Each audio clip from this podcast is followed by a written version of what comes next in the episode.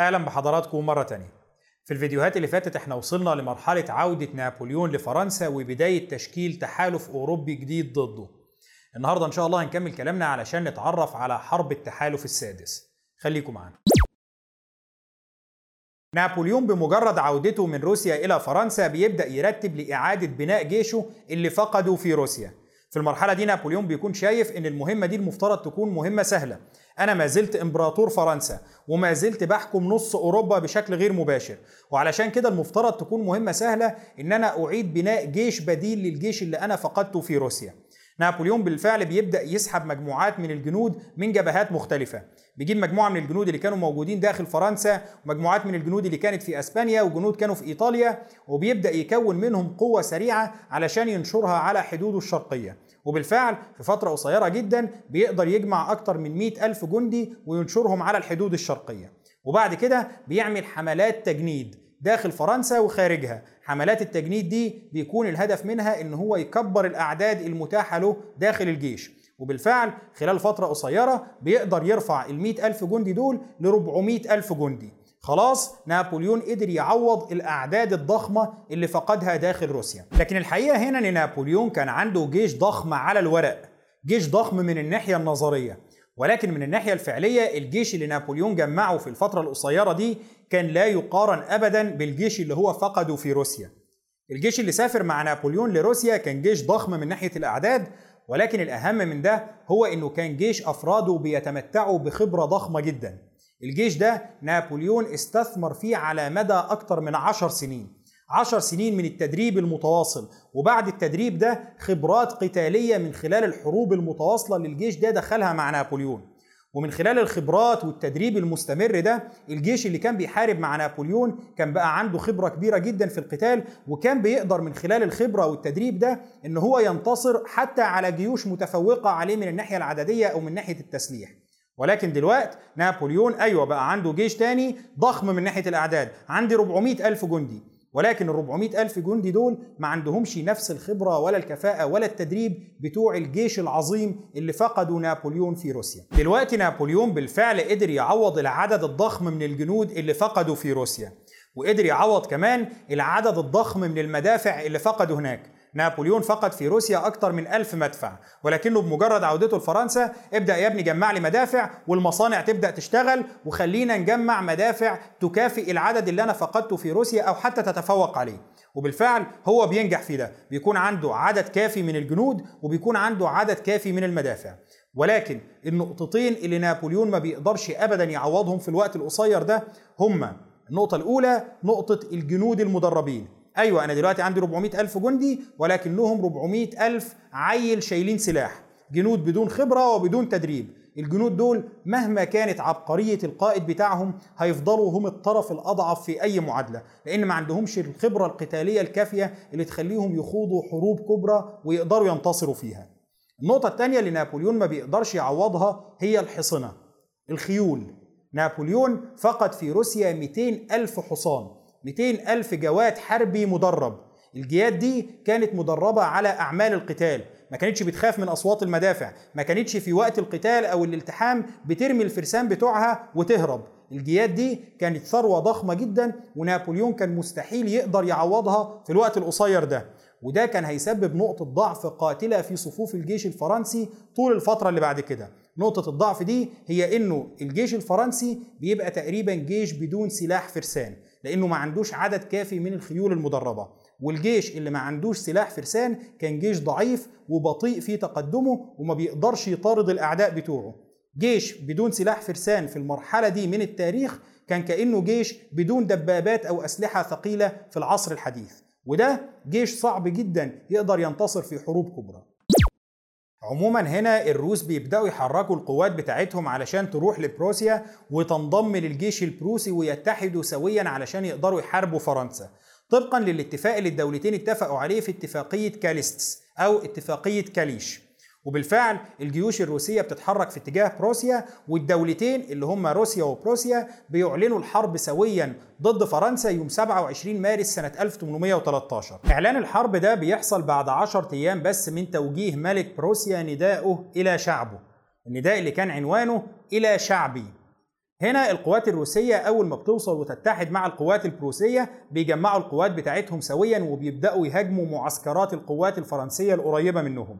بيبدأوا بمهاجمة معسكرات القوات الفرنسية الموجودة في منطقة اسمها موكيرن هناك بيشتبكوا مع القوات الفرنسية وبتقدر القوات البروسية والقوات الروسية إنهم يجبروا القوات الفرنسية على الانسحاب في الاشتباك اللي بيستمر في الفترة من 2 أبريل لحد 5 أبريل سنة 1813 القوات الفرنسية بتلاقي نفسها في موقف ضعف وبالتالي بتضطر إن هي تتراجع أمام القوات الروسية والبروسية. الانتصار الروسي والبروسي في المرحلة دي ما كانش انتصار ضخم، يعني انتصارهم في معركة موكيرن ما كانش انتصار ساحق ولا كان معناه تغيير ضخم في معادلة العسكرية أو معادلة موازين القوى الموجودة على الأرض، ولكنه كان له دلالة مهمة وكان بيشجع الروس والبروسيين. إن إحنا دلوقتي بنقدر ننتصر على الفرنسيين خارج روسيا. إحنا ما هزمناهمش في روسيا علشان الجو والثلوج والصقيع اللي كان موجود لا. إحنا دلوقتي بنقدر ننتصر عليهم داخل الأراضي الألمانية. ده معناه إن إحنا نقدر ننتصر على الفرنسيين في أي مكان. الفرنسيين هنا بيكونوا محطوطين في موقف سيء لأنه أي علامة على الضعف هتشجع المزيد من الأعداء على الانضمام للتحالف اللي بيتكون ضدهم ده. هنا نابليون بيلاقي نفسه مجبر على التحرك السريع. أعداؤه بالفعل بدأوا يتحركوا ضده وتحركات أعدائه دي هتشجع المزيد من الأعداء على الانضمام ليهم. وهنا نابليون بمجرد ما بيطمئن إن الجيش حديث التكوين اللي هو شكله ده قادر على الحركة إنه خلاص يقدر يتحرك بالجيش ده بيقرر إنه ياخد القوات بتاعته ويتوجه بيها إلى الأراضي الألمانية. هدف نابليون من التحركات دي كان اتباع نفس الاستراتيجية اللي هو بيلجأ لها من بداية حروبه وحتى نهايتها. الاستراتيجية دي اللي هي الاستراتيجية القائمة على إنه ما يسيبش التحالفات ضده تكبر. لو في أكتر من دولة جايين يحاربوني أحاول أحارب كل دولة منهم بشكل منفرد بحيث أحتفظ بتفوق عددي عليها بدل ما أجي ألاقي نفسي قدام جيوش متحدة قوتها المجتمعة دي أكبر من قوتي. نابليون هنا بيتحرك بهدف القضاء على الجيوش دي قبل ما تتجمع وتتزايد أعدادها الموجهة ضده. وبمجرد دخول نابليون للأراضي الألمانية بتتجمع القوات البروسية والروسية ويقرروا إن هم هيهاجموه مع بعض في منطقة اسمها منطقة لودزن. الهجوم ده بيتم يوم 2 مايو سنة 1813 هنا الروس والبروسيين هم اللي بيبادروا بالهجوم على نابليون. ما انتظروش لما هو اللي يروح ويهاجمهم. عموما نابليون في المعركة دي في معركة لودزن بيحرك القوات بتاعته بشكل استراتيجي كويس جدا. مهما كان نابليون قائد عنده خبرة عسكرية ممتازة. ولكن المشكلة هنا كانت إنه القوات دي نفسها هي اللي مش كويسة. يعني نابليون بيصدر أوامر صحيحة وبيحركهم بشكل ممتاز ولكن كفاءة القوات نفسها كانت كفاءة منخفضة. وعلشان كده الفرنسيين بيقدروا في النهاية يحققوا انتصار ولكنه بيكون انتصار محدود جدا مش بقى انتصار ضخم وهينهي الحرب اطلاقا. الانتصار كان انتصار محدود جدا والفرنسيين حتى ما بيقدروش يحققوا الانتصار ده بسهولة. الفرنسيين بيخسروا في سبيل تحقيق الانتصار ده أكتر من عشرين ألف جندي وده تمن ضخم جدا بالنسبة للنصر اللي هم حققوه. المشكلة الأكبر هنا كانت إنه نابليون بعد النصر ده بيفكر إنه يبعت القوات الفرنسية علشان تطارد القوات البروسية والقوات الروسية المنسحبة. ده التصرف الصحيح من الناحية العسكرية. الجيوش بتاعتهم هتبقى ضعيفة أثناء انسحابها. وعلشان كده هو يقدر يبعت القوات بتاعته تطاردهم وتوقع في صفوفهم خسائر ضخمة أثناء الانسحاب. ولكن المشكلة هنا إنه نابليون بيلاقي إن ما عندوش سلاح فرسان يقدر يطارد القوات دي. الخيول بتاعته ماتت في روسيا ودلوقتي ما عندوش عدد كافي من الفرسان اللي يقدر يطاردهم بسرعة. الجنود بتوعه ماشيين على رجلهم والجنود اللي ماشيين على رجلهم جنود المشاة لا يصلحوا للمطاردات السريعة. وعلشان كده نابليون بيتفرج على انتصاره على القوات الروسية والبروسية وهو بيتبخر. الانتصار بتاعه ده بيروح بدون ما يقدر يستفيد منه.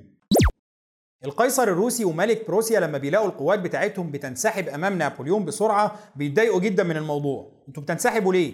دلوقتي نابليون في موقف ضعف. لو إحنا ما قدرناش ننتصر عليه دلوقتي ونتصدى له وهو في موقف الضعف ده يبقى ما فيش فايدة أصلا من الحرب ضده. اقفوا وتصدوا لنابليون وحاربوه. وبالفعل بناء على الأوامر دي القوات الروسية والبروسية بتبدأ تقف وتتجمع علشان تواجه نابليون. هنا نابليون هو اللي بياخد زمام المبادرة وبيقرر إن هو يبدأ بالهجوم عليهم. وبالفعل نابليون بيهاجم القوات دي في منطقة اسمها منطقة باوتزن القوات الفرنسية في معركة باوتزن كانت متفوقة على القوات البروسية والروسية من ناحية العدد. نابليون كان معاه جنود أكتر. وبالإضافة لكده نابليون قبل ما يبدأ في المعركة دي بيبدأ يجهز نفسه لخطة كبيرة. أنا عايز أعمل معركة ضخمة أنهي بيها الحرب. وعلشان كده نابليون بيبعت مجموعة من القوات بتاعته من قبل بداية المعركة تسد الطريق بتاع الانسحاب على القوات الروسية والبروسية. المرة اللي فاتت المعركة اللي قبلها نابليون اتبخر الانتصار بتاعه لأنه ما قدرش يطاردهم. وهو برضه دلوقتي مش هيقدر يطاردهم. وعلشان هو عارف إنه مش هيقدر يطاردهم لأن ما عندوش سلاح فرسان بيقرر إنه يحط مجموعة من قواته تقطع عليهم طريق الرجعة وبالتالي مش هيحتاج يطاردهم بعد المعركة. هو مجرد ما ينتصر عليهم ويبدأوا ينسحبوا هيلاقوا الجنود الفرنسيين منتظرينهم في طريق الانسحاب وبكده يبقى قدر يحاصرهم ويقدر يحطم القوات دي.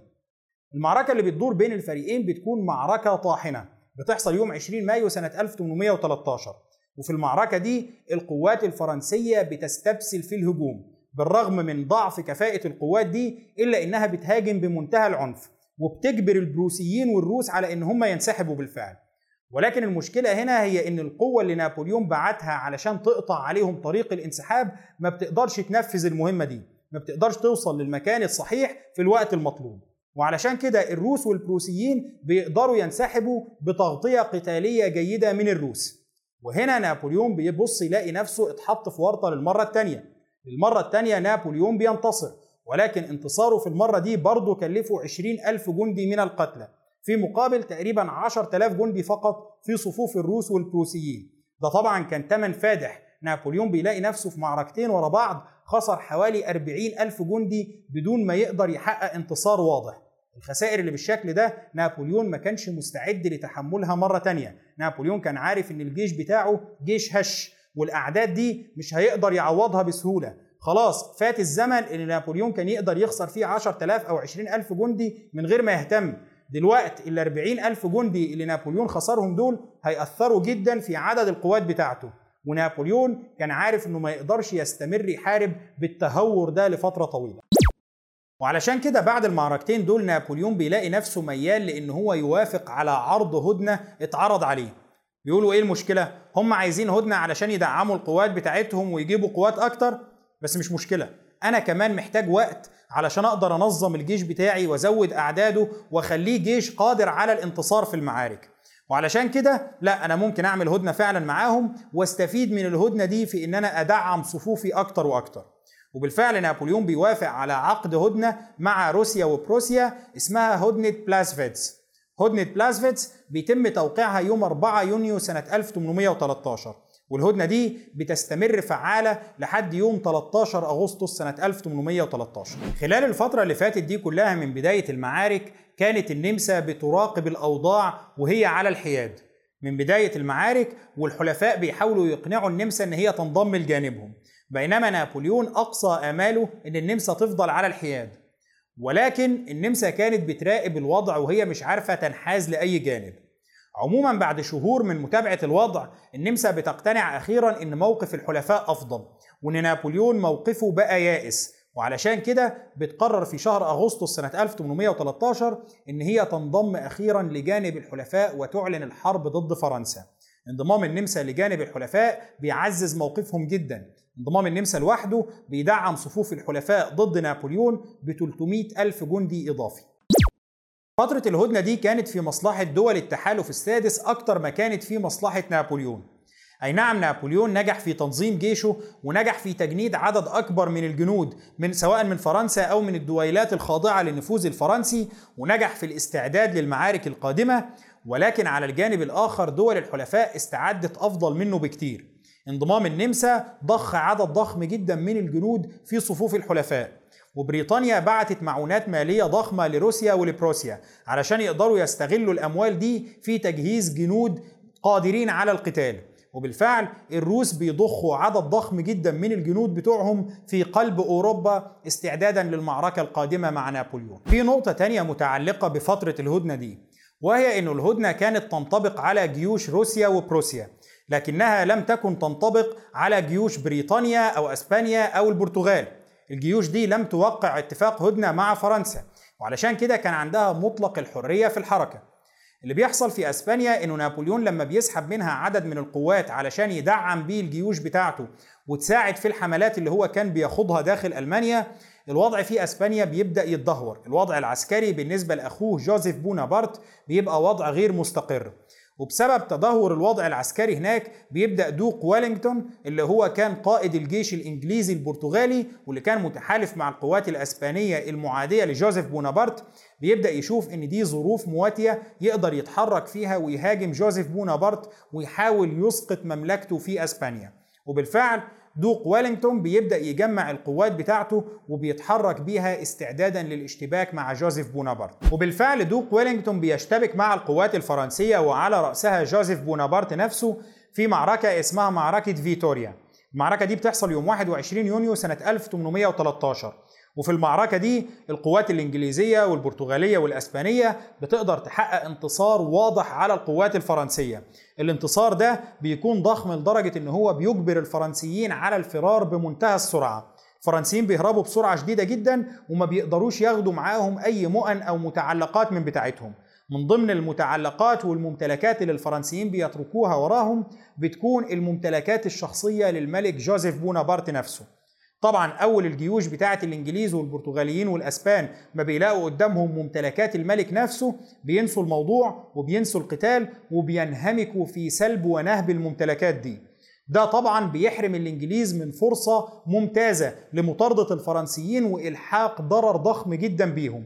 أي نعم الفرنسيين ما بيقدروش يستغلوا الفرصة دي ويرجعوا يهاجموهم ولكن في الوقت نفسه الفرصة الضخمة دي بتضيع على دوق ويلينغتون وما بيقدرش ينتهزها في إن هو يقضي على الفرنسيين أو يحطم القوة العسكرية بتاعتهم. وده شيء بيغيظ دوق ويلينغتون جدا. ويلينغتون بيشوف إنه الإنجليز عاطينه الجنود الدرجة الثانية الجنود اللي عندهم انضباط عسكري متدني جدا وما يعرفوش أي حاجة في الطاعة العسكرية ولا في الانضباط العسكري.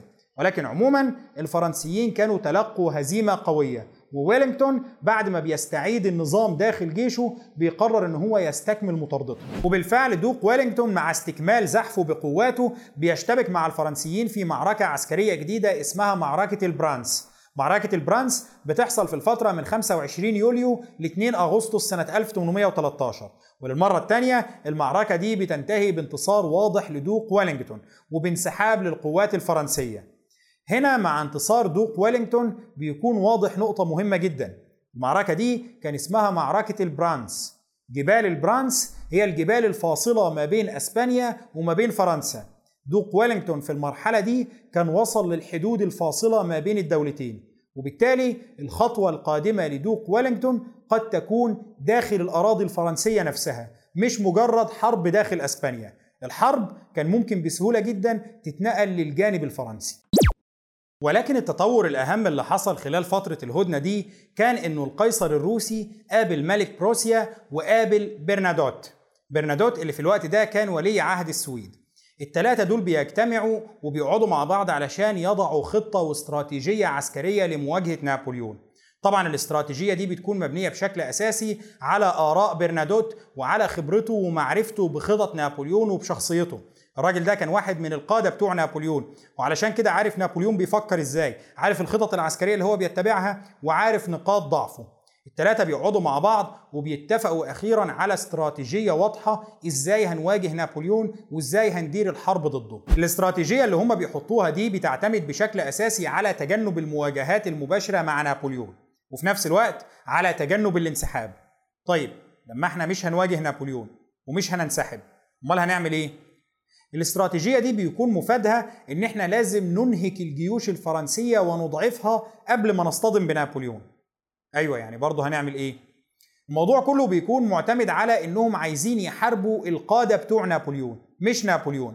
إحنا عايزين نحارب الجيش الفرنسي بس ما نحاربش نابليون. فالمفترض اللي هنعمله هو إنه نابليون لما يبدأ يتوغل في الأراضي الألمانية مثلا هيضطر إن هو يبعت قسم من القوات بتاعته علشان يبقى حامية على مدينة معينة. قسم تاني علشان يأمن طريق. قسم تالت علشان يقوم بمهمة. إحنا هنصطدم بالأقسام دي وهنحاول ننتصر عليها وفي الأغلب هنقدر فعلا ننتصر عليها. لكن مش هندي لنابليون الفرصة إن هو بنفسه اللي يكون على رأس الجيوش اللي بتحاربنا دي.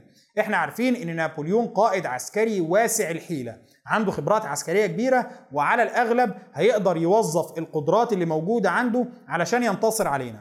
الطريقة الوحيدة هي إن إحنا نواجه نابليون بقوة متفوقة جدا عليه. نواجهه بعدد من الجنود ضعف اللي عنده مثلا. وبكده ما يقدرش يلاقي مساحة كبيرة للمناورة. بس إحنا إزاي هنوصل لفكرة إن إحنا نواجه نابليون في معركة ومعانا ضعف العدد بتاعه من الجنود؟ نابليون مش هيسمح بده.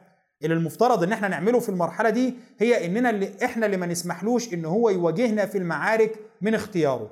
إحنا هنفضل نخلي نابليون يلف حوالين نفسه وفي المناورات اللي هنعملها معاه دي هنصطاد الجنود والقادة بتوعه وننتصر عليهم.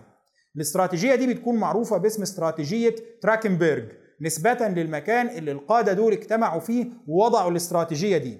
ودي بتكون تنويع على استراتيجية عسكرية معروفة اسمها استراتيجية فابيان. استراتيجية فابيان اللي هي أنا مش هحارب الخصم أنا هأنهك الخصم لحد ما أقدر أخليه يسقط بسهولة. فابيان ده كان جنرال روماني قديم وده اللي كان مسؤول عن وضع خطة القتال أمام هانيبال.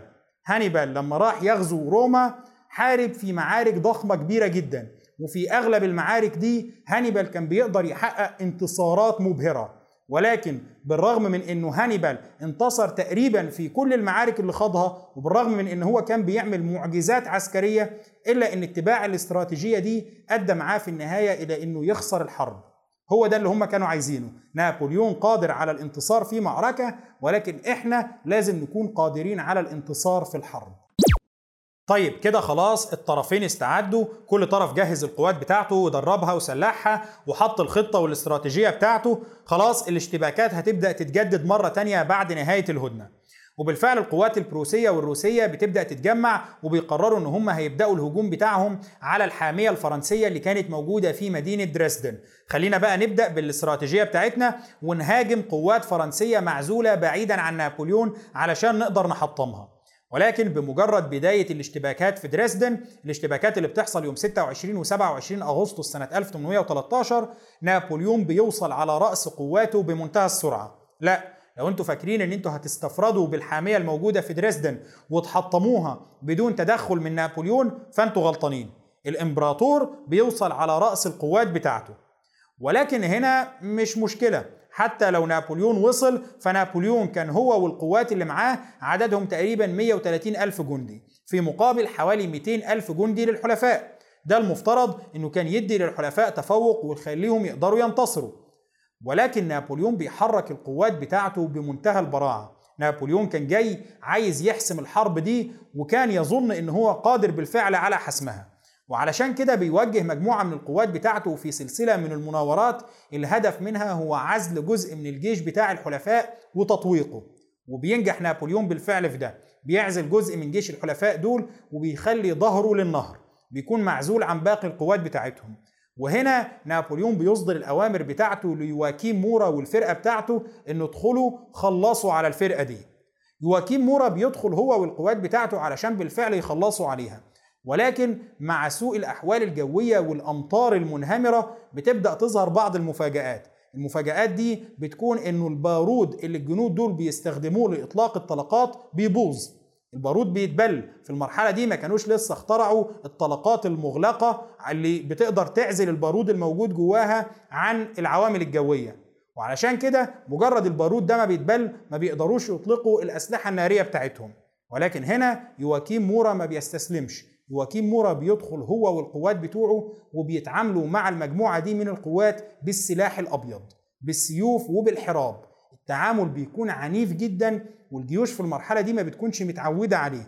وعلشان كده الجيوش اللي كانت معزولة هناك بتستسلم فورا لنابليون. قسم كبير من الجنود اللي كانوا تابعين للحلفاء اللي هو القسم المعزول بيستسلم ليواكيم مورا بعد ما بيقع في صفوفهم خسائر فادحة. طبعا بوادر الانتصار الفرنسي دي بتدي لنابليون أمل في إن هو يقدر ينتصر في المعركة دي ويحسم الحرب.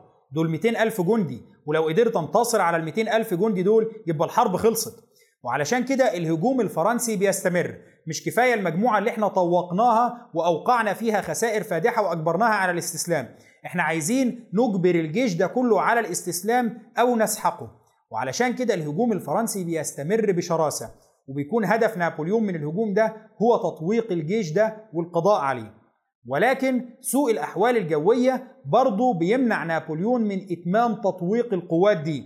الأحوال الجوية السيئة والأمطار المنهمرة بتخلي الجنود الفرنسيين ما يقدروش يحكموا التطويق بتاعهم على جنود الحلفاء. وعلشان كده جنود الحلفاء بيقدروا ينسحبوا من أرض المعركة. أي نعم بيخسروا في المعركة دي حوالي 40 ألف جندي وده رقم ضخم جدا ولكن في النهاية الجيش بتاعهم قدر ينسحب وهو ما زال قادر على القتال. ودي بالنسبة لنابليون كانت مشكلة. ولكن بالرغم من انتصار نابليون في معركة دريسدن إلا أنه ده ما بيمنعش الحلفاء من الالتزام بالسياسة بتاعتهم. السياسة أو الاستراتيجية دي اللي هي مهاجمة القوات الفرنسية البعيدة عن نابليون. وبالتالي تحطيم القوات دي بينما نابليون غير قادر على نجدتها. وعلشان كده مجرد نابليون ما بياخد القوات بتاعته ويتحرك في اتجاه دريسدن علشان يقدر يساعدها بتكون في قوات تانية تابعة للحلفاء بتتحرك في اتجاه مدينة أخرى فيها قوات فرنسية علشان تهاجمها بينما نابليون بعيدا عنها. القوات بتاعة الحلفاء هنا بتهاجم القوات الفرنسية اللي كانت موجودة في منطقة اسمها كاتسباخ. في نفس اليوم اللي نابليون كان بيحارب فيه في دريسدن. وبتقدر بينما نابليون بيحقق انتصاره في دريسدن إن هي تحقق انتصار على القوات الفرنسية في كاتسباخ.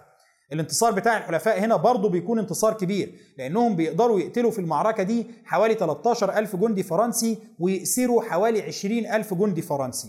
وده بيكون انتصار ضخم جدا. أيوه أنت انتصرت في دريسدن ولكن إحنا في نفس اليوم قدرنا نحقق عليك انتصار في مكان آخر. وبعد معركه دريسدن بكام يوم نابليون بيحاول يبعت فرقة من القوات الفرنسية تطارد فلول جيوش الحلفاء المنسحبة. ولكن هنا جيوش الحلفاء بتصطدم بالفرقة دي وتقريبا بتبيد الفرقة دي من القوات الفرنسية في معركة اسمها معركة كولم هنا نابليون بيبدأ يدرك الفخ المنصوب له. بيبدأ يدرك إن الحلفاء مش عايزين يواجهوه هو ولكن عايزين يقصقصوا ريشه عايزين يحطموا القوات الفرنسية الموجودة في كل مكان.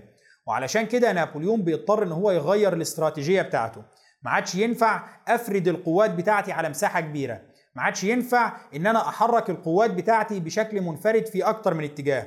خلاص أيام ما كان الجيش العظيم مكون من سبع وحدات أو جيوش منفصلة كل جيش منها بيتحرك باستقلالية ويقدر يحقق انتصارات الأيام دي انتهت خلاص. دلوقتي نابليون بقى مضطر إن هو يركز كل القوات الفرنسية في نطاق جغرافي ضيق جدا تحت قيادته علشان ما يسمحش للحلفاء إنهم يستفردوا بالقوات دي ويحطموها. نابليون بيفكر في المرحلة دي إن هو يهاجم برلين. نابليون بيكون شايف إن أنا لو قدرت أحتل برلين دي هتكون ورقة ضغط قوية جدا على بروسيا.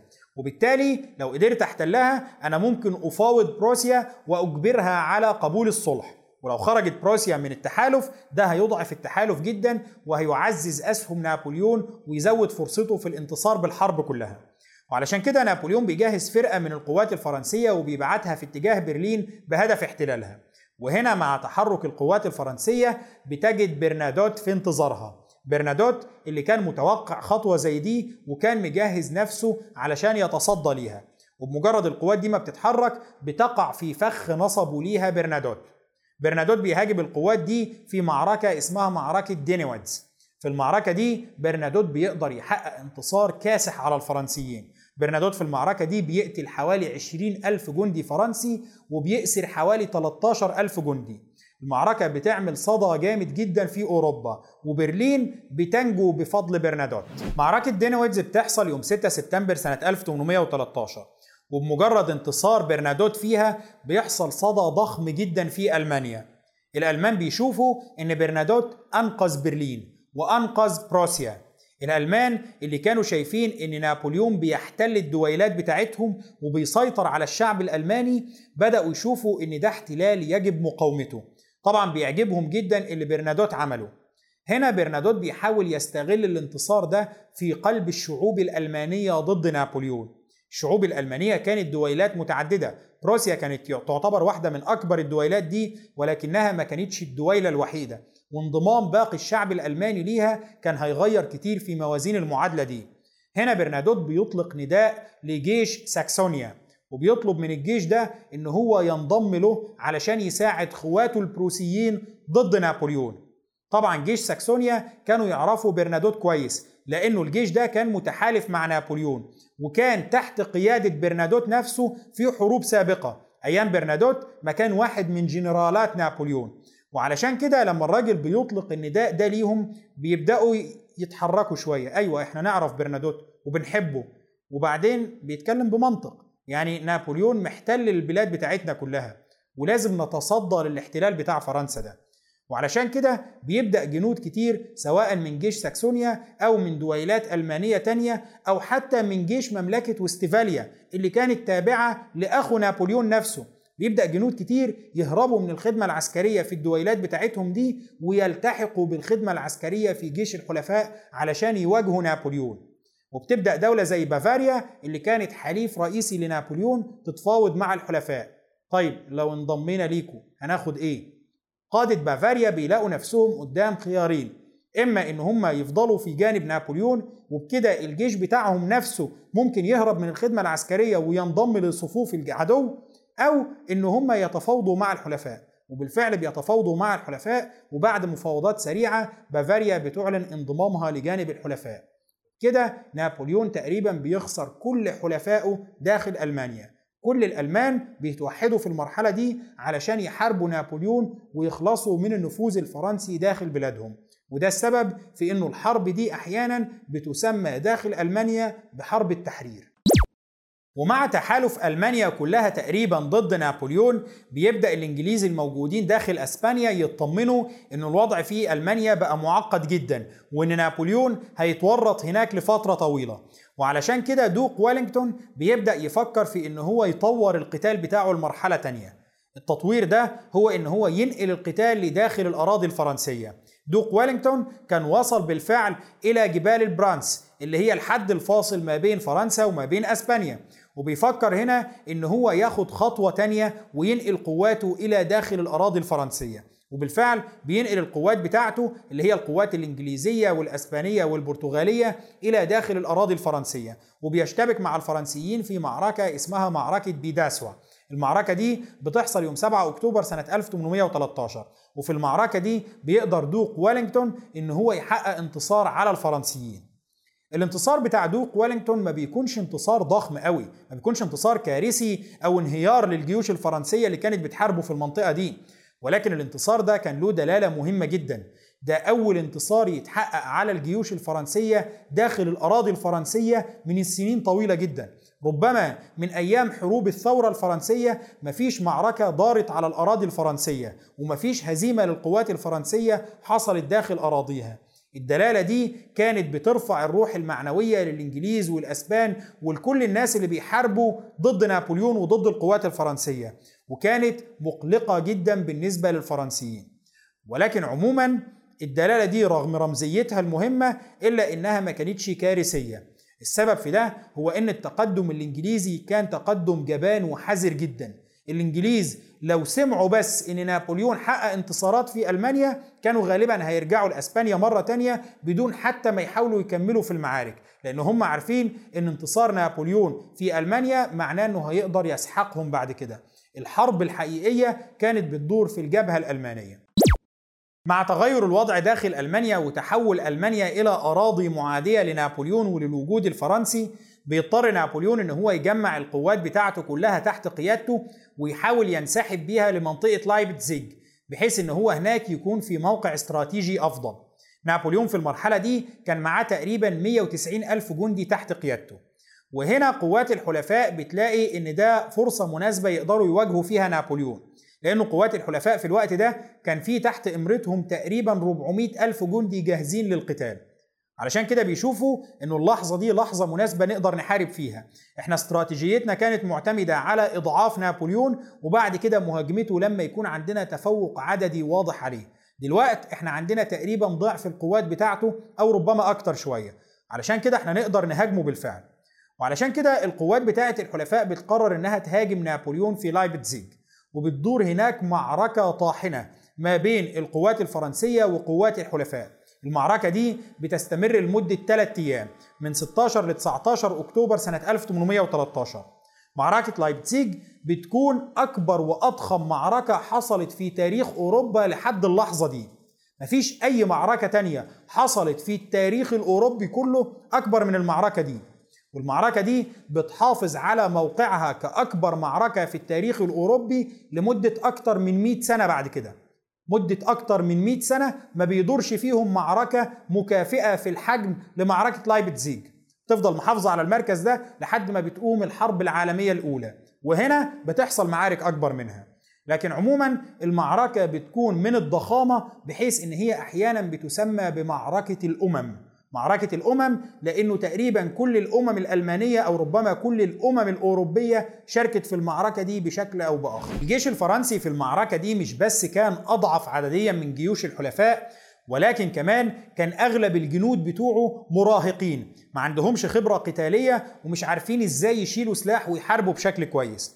نابليون بيحاول أكتر من مرة إنه يخلي الجنود بتوعه يهاجموا. خلينا بس نهاجم من النقطة دي ونحاول نعمل ثغرة هنا ونحاول نطوق الجزء ده. ولكن الجنود بتوعه ببساطة ما كانوش قادرين على تنفيذ الخطط والأوامر اللي هو بيقولها لهم دي. جنود خبرتهم محدودة جدا وما عندهمش أي مقدرة على التعامل مع معركة بالحجم ده. وعلشان كده بالرغم من كل محاولات نابليون إلا إن الجيش بتاعه بيكون في وضع أضعف وجيوش الحلفاء بتبدأ تحاول تطوق الجيش الفرنسي. هنا نابليون بيبعت للحلفاء يقول لهم خلاص يا جماعة خلينا نعمل هدنة مع بعض. فبيقولوا له لا يا حبيبي الهدنة دي كانت أيام زمان دلوقتي مفيش هدنة إحنا هنحارب لحد ما نسحقك. وهنا نابليون بيلاقي نفسه مهدد بالفعل بالتطويق. جيوش الحلفاء دي قادرة على تطويقه وده لو حصل هيكون معناه فناء الجيش الفرنسي وأسر نابليون نفسه. وبالفعل نابليون بيصدر الأوامر بتاعته بالانسحاب قبل اكتمال حصار الحلفاء للقوات بتاعته. نابليون بينسحب في المرحلة دي بعد ما بيكون خسر تقريبا 40 ألف جندي. أي نعم قوات الحلفاء كانت خسرت عدد مقارب لده أو ربما أكبر منه ولكن حجم قوات الحلفاء كان يسمح لها بتحمل خسارة زي دي. بينما عدد قوات نابليون كان بالنسبة له العدد ده من الخسائر ضخم جدا. كانت خسائر فادحة بالنسبة لتعداد القوات الفرنسية. ولكن الأهم من عدد الخسائر كان إنه نابليون اضطر ينسحب. واضطر يسيب موقعه واضطر ياخد الجيش بتاعه علشان يرجع بيه في اتجاه فرنسا. مع انسحاب نابليون ده كان معناه انهيار السيطرة الفرنسية على ألمانيا. خلاص معركة ألمانيا معركة التحرير بتاعتهم نجحت وألمانيا تحررت من سيطرة نابليون ومن النفوذ الفرنسي. انهار النفوذ الفرنسي في ألمانيا وبكده انهار اتحاد الرين اللي كان نابليون أسسه في ألمانيا بعد انتصاراته المدوية في بدايات حروبه ورجعت ألمانيا مرة تانية خارج النفوذ الفرنسي. وتراجع نابليون إلى داخل حدود دولته في انتظار الهجوم عليه داخل فرنسا نفسها. هنقف لحد هنا النهارده. شكرا لحضراتكم والأسبوع الجاي نكمل كلامنا إن شاء الله.